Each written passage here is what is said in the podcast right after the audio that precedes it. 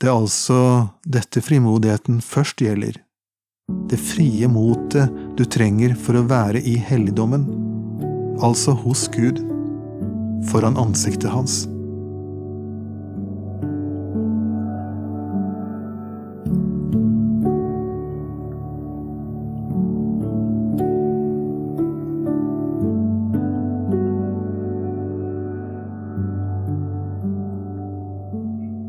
Kast ikke vekk frimodigheten, for den gir stor lønn.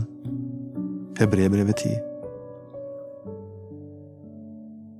Når vi mangler frimodighet, føler vi ofte at den har rent av oss. Men hebrebrevet sier det annerledes. Det har skjedd en aktiv handling.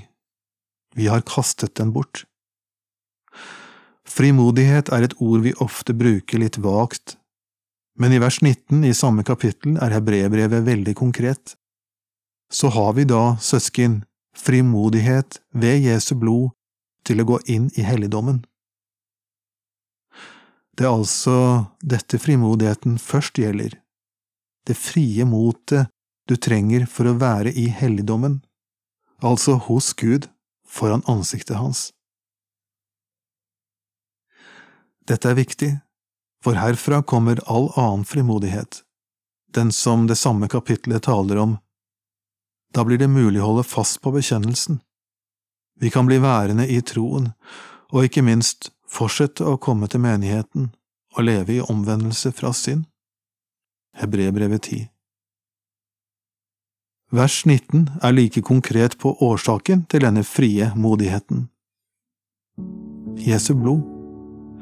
Altså at Jesus døde og sto opp igjen for din synd og urenhet, slik at du uten skyld og skam kan leve hos Gud.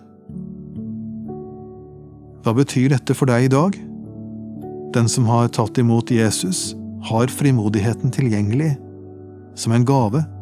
Ikke kast den vekk, for den gir stor lønn. Du har den på grunn av Jesu blod, ikke på grunn av deg selv eller omstendighetene. Det holder deg like foran fars ansikt.